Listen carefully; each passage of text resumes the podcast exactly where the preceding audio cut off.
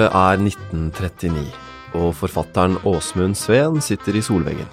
Han er hjemme hos familien på Hedmarken på en velfortjent påskeferie. Han har jobbet hardt for å komme dit han er i dag, og drømmen om å bli en av Norges største forfattere brenner i ham. Men mens han sitter i solveggen med en kopp kakao i hånden og tenker på sin neste bok, brygger det opp til krig i Europa.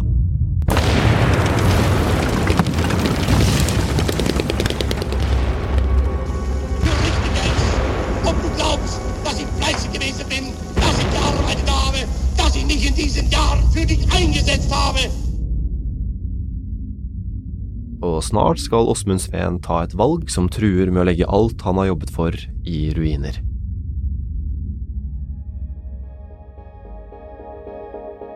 Du hører på Skeiv og stolt, en podkastserie fra Nasjonalbiblioteket. Med Carl Martin Eggesbø. Dette er episode tre om Åsmund Sveen. Noen av sitatene i denne episoden er lest inn av skuespillere.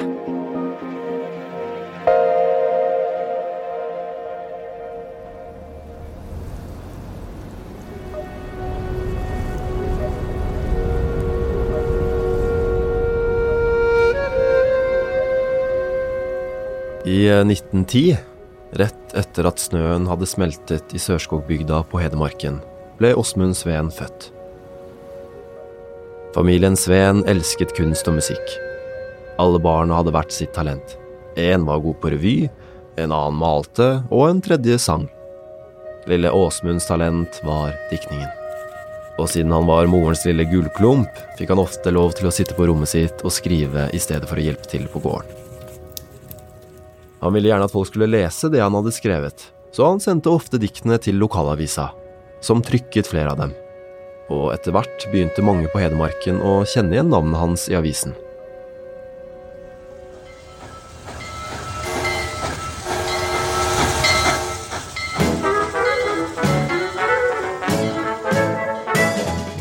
Da Åsmund var 18 år gammel, pakket han sakene sine og reiste fra den lille skog- og jordbruksbygda.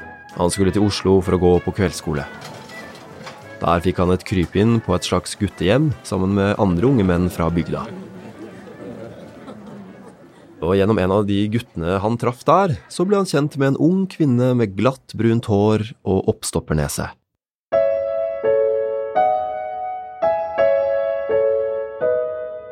Hun het Haldis Moren og var et par år eldre enn ham. Han hadde truffet henne så vidt før, på fest en gang, og da de nå kom i snakk, fortalte hun at hun husket navnet hans og diktene fra avisene. Og det sa klikk mellom dem med en gang. Vi skiftet visst ikke et eneste ord, bare smilte til hverandre. Han var nå fælt ung, syns jeg, som snart var 20, og han verka svært blyg, sto liksom hele tida på sprang, som en ung, langbeint elg. Fra nå av var Haldis og Åsmund virkelig bestevenner. Og det var kanskje ikke så rart, for sammen delte de en drøm. Begge ville bli berømte diktere. Fattige var vi alle, levde stort sett på stump og margarin, men samtidig på rosenrøde skyer. Vi var så unge, og verda, den fagre verda, skulle nok bli vår.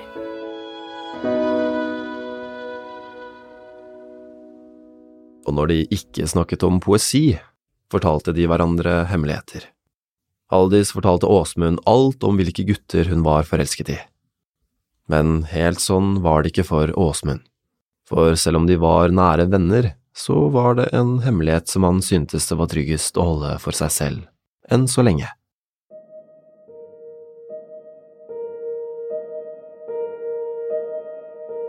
Haldis visste ingenting om at Åsmund ble forelsket i menn, akkurat som henne. Og når han skrev dikt, så var det kjærlighet mellom menn han beskrev. Men han passet på at det alltid lå mellom linjene, for homofil kjærlighet var ikke noe man skrev om. Det var Haldis som debuterte først, i 1929.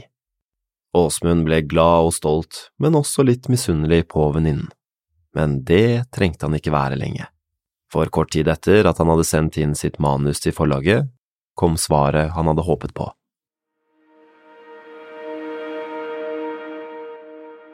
Jeg kjem ut, jeg kjem ut, på Gyldendal, juleflommen. Ja, været er mangleis, men nett nå er du full av solskinn om det regner aldri så mye. Åsmund var ordentlig glad, men noen bekymringer begynte også å melde seg.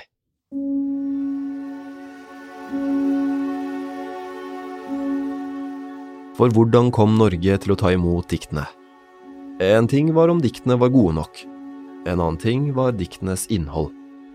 Selv om det homoseksuelle kunne gå under radaren, var de fremdeles veldig vågale og erotiske. Hadde han tøyd strikken for langt? Du ligger i min hungrige heite favn og lær av din egen gråt. Du kviskrar dei øraste elskhugsnavn. Din munn er så varm og våt. Du kviskrar imot meg ord kråa skum, og eldar mi unge lyst. Eg tek deg og kysser den raude blom, som brenn på ditt nakne bryst. Men da boka kom, kunne Åsmund puste lettet ut. Det var riktignok en og annen dårlig anmeldelse ute og gikk, men de aller fleste anmelderne syntes at diktene hans var gode. Det er vel en gammel, god regel at en bør være varsom og bruke sterke ord om en debutant, men ingen regel uten unntak. Og vi tror at Åsmund Sveen kommer til å bli en framstående dikter. Denne første boka hans gir vonar om det.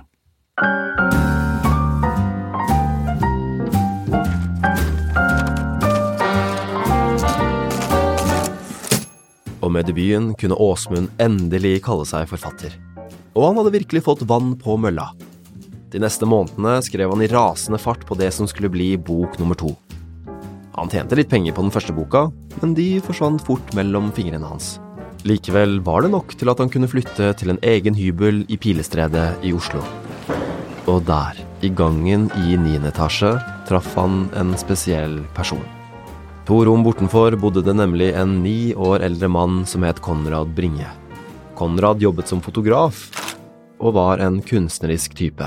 Og han likte dikt. De kom i prat, og det ble fort tydelig at det var en spesiell kjemi mellom dem. En kjemi Åsmund aldri hadde kjent med noen jente.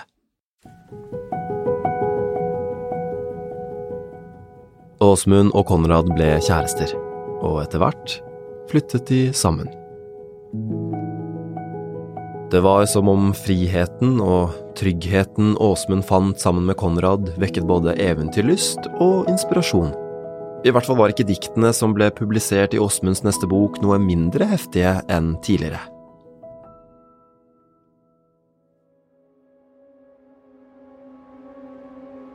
Han kom åt deg i natt, og de kasta deg ut i den store eld. Det var siste gangen de brann, siste gangen du gjorde han kåt. Men han fant deg i mørket, og batt deg så fast at det alltid held. Da han løyste det slitne bånd, batt han nye, for evig ått. Og også andre boka ble en suksess. Både Åsmund og venninnen Haldis hadde gitt ut flere diktsamlinger nå. Nå var de to vennene virkelig på god vei til å få oppfylt drømmene sine. Begge hadde fått tilbud om medlemskap i Den norske forfatterforening, og der Åsmund hadde funnet sin Konrad, hadde Haldis også funnet kjærligheten. I 1934 giftet hun seg med den kjente dikteren Tarjei Vesaas og flyttet til Vinje i Telemark.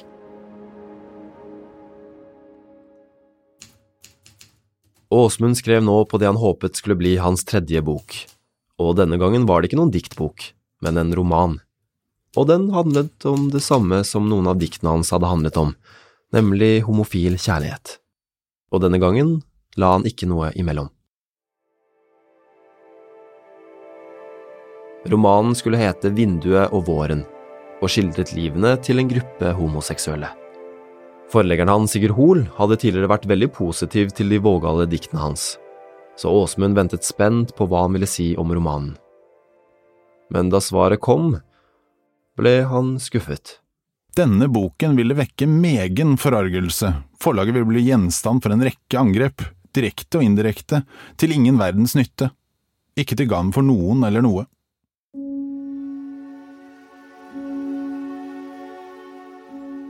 Forlaget hadde bestemt seg for å ikke gi ut boka.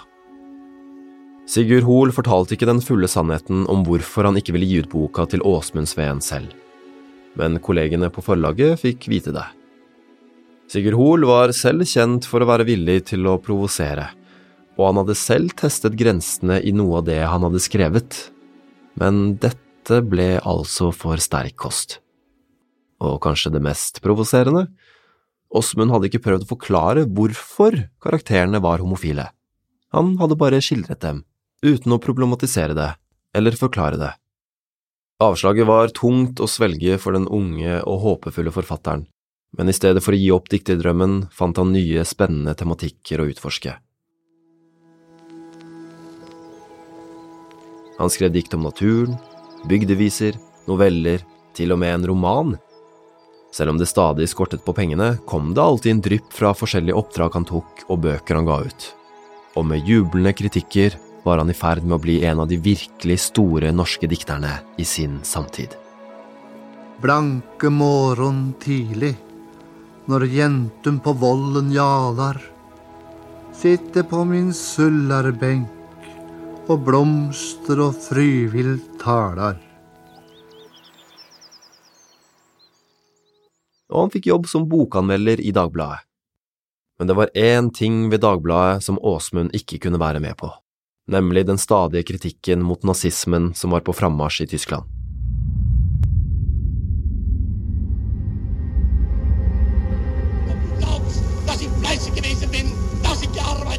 Den kritikken var han ikke helt sikker på om han var enig i.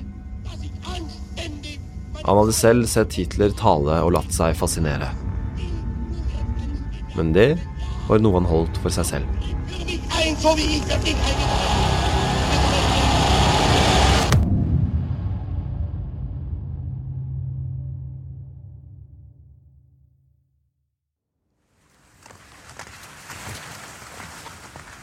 I påsken 1939 var hele familien Sveen samlet hjemme på Moen. Alle søsknene hadde med seg kjærestene sine. Åsmund hadde med seg Konrad. De gikk på ski og laget snømenn som lignet på Hitler og Mussolini. Åsmund var 29 år og ventet på å få utgitt sin nyeste diktsamling, som skulle hete Såmannen. Den skulle komme ut den 8. april 1940.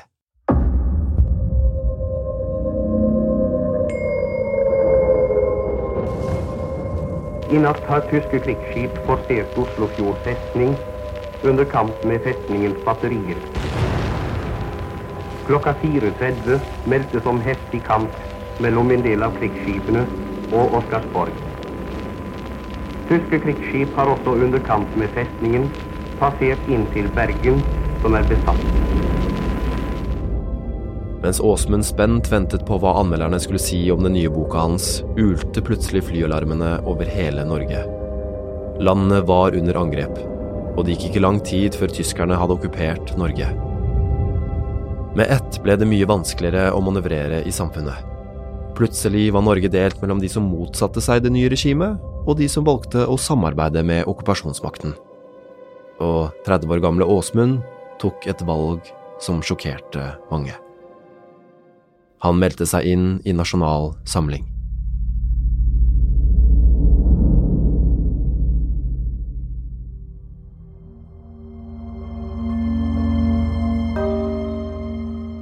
For venninnen Haldis kom det som lyn fra klar himmel. Hun kunne ikke begripe hvorfor Åsmund gikk inn i NS, som hun var så sterkt imot selv, og forholdet ble iskaldt mellom de to tidligere bestemennene. En dag fikk Åsmund øye på Haldis på gata og gikk smilende mot henne.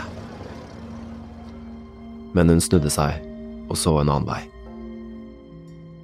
Også den gamle arbeidsgiveren Dagbladet så det som et stort svik at Åsmund gikk inn i NS. Selv om det var mange andre forfattere som meldte seg inn, så sved det nok ekstra at en av deres egne skribenter gikk så imot det avisen sto for. Det samme syntes nok også forleggeren hans, Sigurd Hoel som var en glødende antinazist. Men valget var tatt, og kort tid etter fikk han jobb i propagandaavdelingen til Josef Terboven. Og etter hvert ble han til og med direktør i Statens teaterdirektorat. Der bestemte de hva som kunne fremføres på norske scener, og hva som måtte sensureres. Teaterdirektoratet skal meddele at det er forbudt å føre fram musikk av engelske, amerikanske og russiske komponister. Dessuten numre med fransk sangtekst.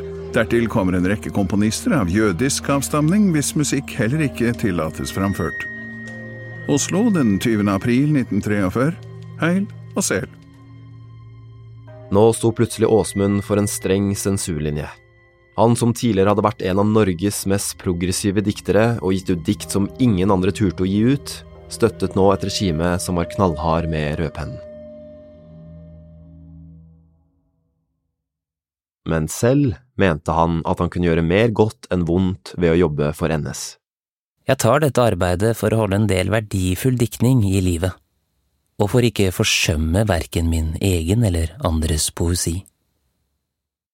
Og i offentligheten støttet Åsmund regimet. Han skrev i avisen at han fryktet marxismen, og hvordan NS tross alt var et bedre alternativ for Norge men privat var han kanskje ikke like overbevist om alt regimet foretok seg, for i hemmelighet hendte det at han strakk ut en hjelpende hånd til motstandsbevegelsen. For da hjemmefrontsmannen Sverre Steen trengte et sted å gjemme seg, åpnet Åsmund døra for ham og sa ingenting til det tyske politiet. Forfatteren Åsmund Sveen skal så lese prologen til landsrådsmøtet på ny en vinter og enda et år med krig og ulykke ut i verden. Med skrik fra alle de tusen sår, med all den ungdom på dødsens ferd. Ennå en vinter i Norges land, med hjertekulde imellom grannar. Med mørket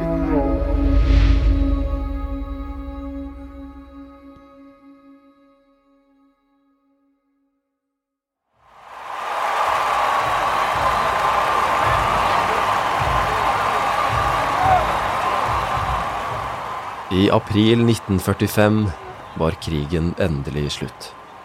I oppgjøret etterpå ble den ene etter den andre innkalt til avhør og stilt for retten for landssvik. Men Åsmund var ikke så bekymret for sin egen del, og tok det hele med knusende ro. Og faktisk så det lenge ut til at han hadde all grunn til å slappe av, for Åsmund fikk aldri noen innkallelse til avhør fra politiet.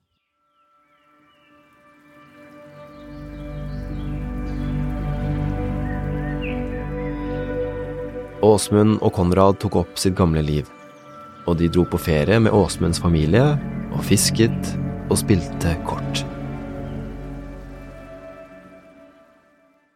Men da det hadde gått nesten et halvt år, kom det plutselig et oppslag i Dagbladet. Øverst på forsiden den 3. oktober 1945 kunne Åsmund lese sitt eget navn på forsiden. Åsmund Sveen kjører fornøyd på Bergenstoget, mens den minste sentralborddame fra terrassen straffes hardt. Kultursvikerne bør tas kraftig og behandles i sammenheng. Dagbladet skrev at Åsmund hadde vært en viktig støttespiller for NS, og at han ikke burde slippe unna med det han hadde gjort. Og da Åsmund leste det, gikk han og meldte seg selv til politiet. Det satte i gang en lang og seig rettsprosess.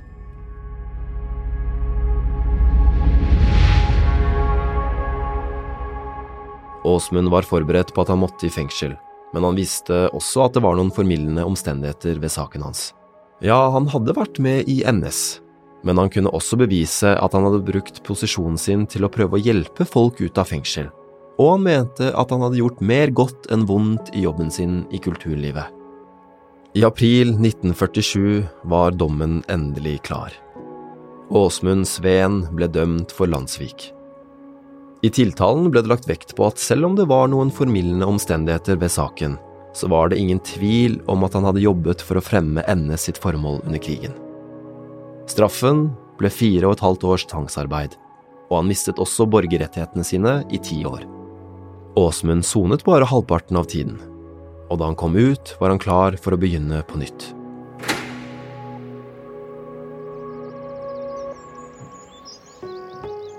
Men det var én ting han hadde undervurdert. Selv om han hadde sluppet ut av fengselet, var han i virkeligheten langt fra ferdig med å sone straffen sin. For den verste straffen av alle var det ikke dommeren som ga han. Med stempelet som en av Norges verste kultursvikere var det ingen av forlagene som ville røre poesien hans med ildtang engang. Og der andre NS-forfattere som Knut Hamsun, som hadde vært en sterk tilhenger av Hitler, sakte kom inn i varmen igjen, fikk Åsmund avslag på avslag av forlagene. Og han begynte etter hvert å bli desperat. Han satte seg ned og skrev et brev til en av de få støttespillerne han hadde, litteraturkritikeren Trygve Greif. Jeg heter Trygve Greif. Jeg er kjørt helt opp til muren. Får jeg ikke stipendium i år? Noen annen materiell støtte? Er det ingen utsikt så langt mine rødranderte øyne kan nå? Så er det ute med meg. Nå holder det ikke lenger, jeg skylder penger overalt og orker ikke å fly med dårlige noveller fra blad til blad og bli hundset av tåpelige redaktører. Jeg vet hva jeg har skapt, og jeg vet hva jeg kan skape. Åsmund var deprimert. Han drakk mer og mer. Og for Konrad, som hadde stått last og brast med kjæresten hele veien, ble det stadig vanskeligere å bo sammen med Åsmund. Og en dag fikk Konrad nok. Han avsluttet forholdet og flyttet. Alt han hadde bygd opp før krigen, var borte. På det verste vurderte Åsmund å ta sitt eget liv. Men helt slagen var han ikke.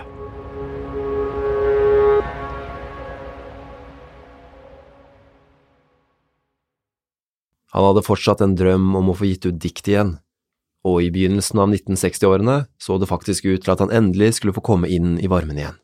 For Cappelen Forlag sa ja til å vurdere de to diktsamlingene som han hadde jobbet med i mange år. Kjære Henrik Roth. Det gjelder selvfølgelig diktene mine igjen. I dag leverte jeg dem til Brinkmann som to selvstendige samlinger. Jeg skriver dette til dem privat, for det tilfellet at noe skulle tilstøte meg. Man vet aldri.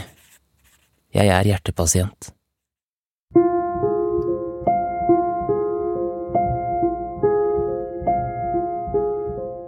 Bare to dager senere, mens manusene fortsatt lå til vurdering på pulten til forlagssjefen, sluttet Åsmunds hjerte å slå. Han rakk aldri å komme inn i varmen igjen, og en kald februardag ble han lagt i familiegraven hjemme på Sørskogbygda. Ikke en eneste avis trykket nekrolog over den glemte dikteren Åsmund Sveen.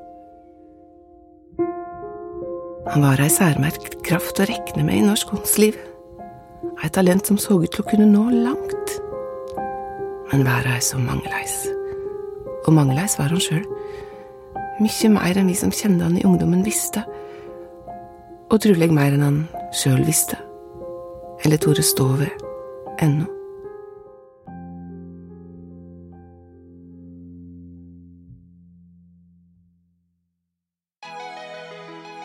Du har hørt en episode av Skeiv og stolt, en podkastserie fra Nasjonalbiblioteket. I neste episode får du høre historien om Ebbe Hertzberg. En vårdag i 1885 står en velkledd herre foran politimesteren på Kristiania politistasjon. Mannen heter Ebbe Hertzberg og er professor ved universitetet. Han har kommet for å anmelde en alvorlig sak, men mens han forklarer saken, kommer han i skade for å røpe noe sjokkerende om seg selv, nemlig at han er interessert i menn. Det var Carl Martin Eggesbø som fortalte historien. Skuespillere var Per Andreas Tønder, Egil Johannessen, Lars Hamren Risberg, Anders Ribu og Anna Haukeland. Episoden er laget av Lars Hamren Risberg, Emmy Henriette Netka, Lars Haga Råvand, Live Fedler Nilsen og Ragna Nordenborg. Konsulent på episoden var Berit Hedemann.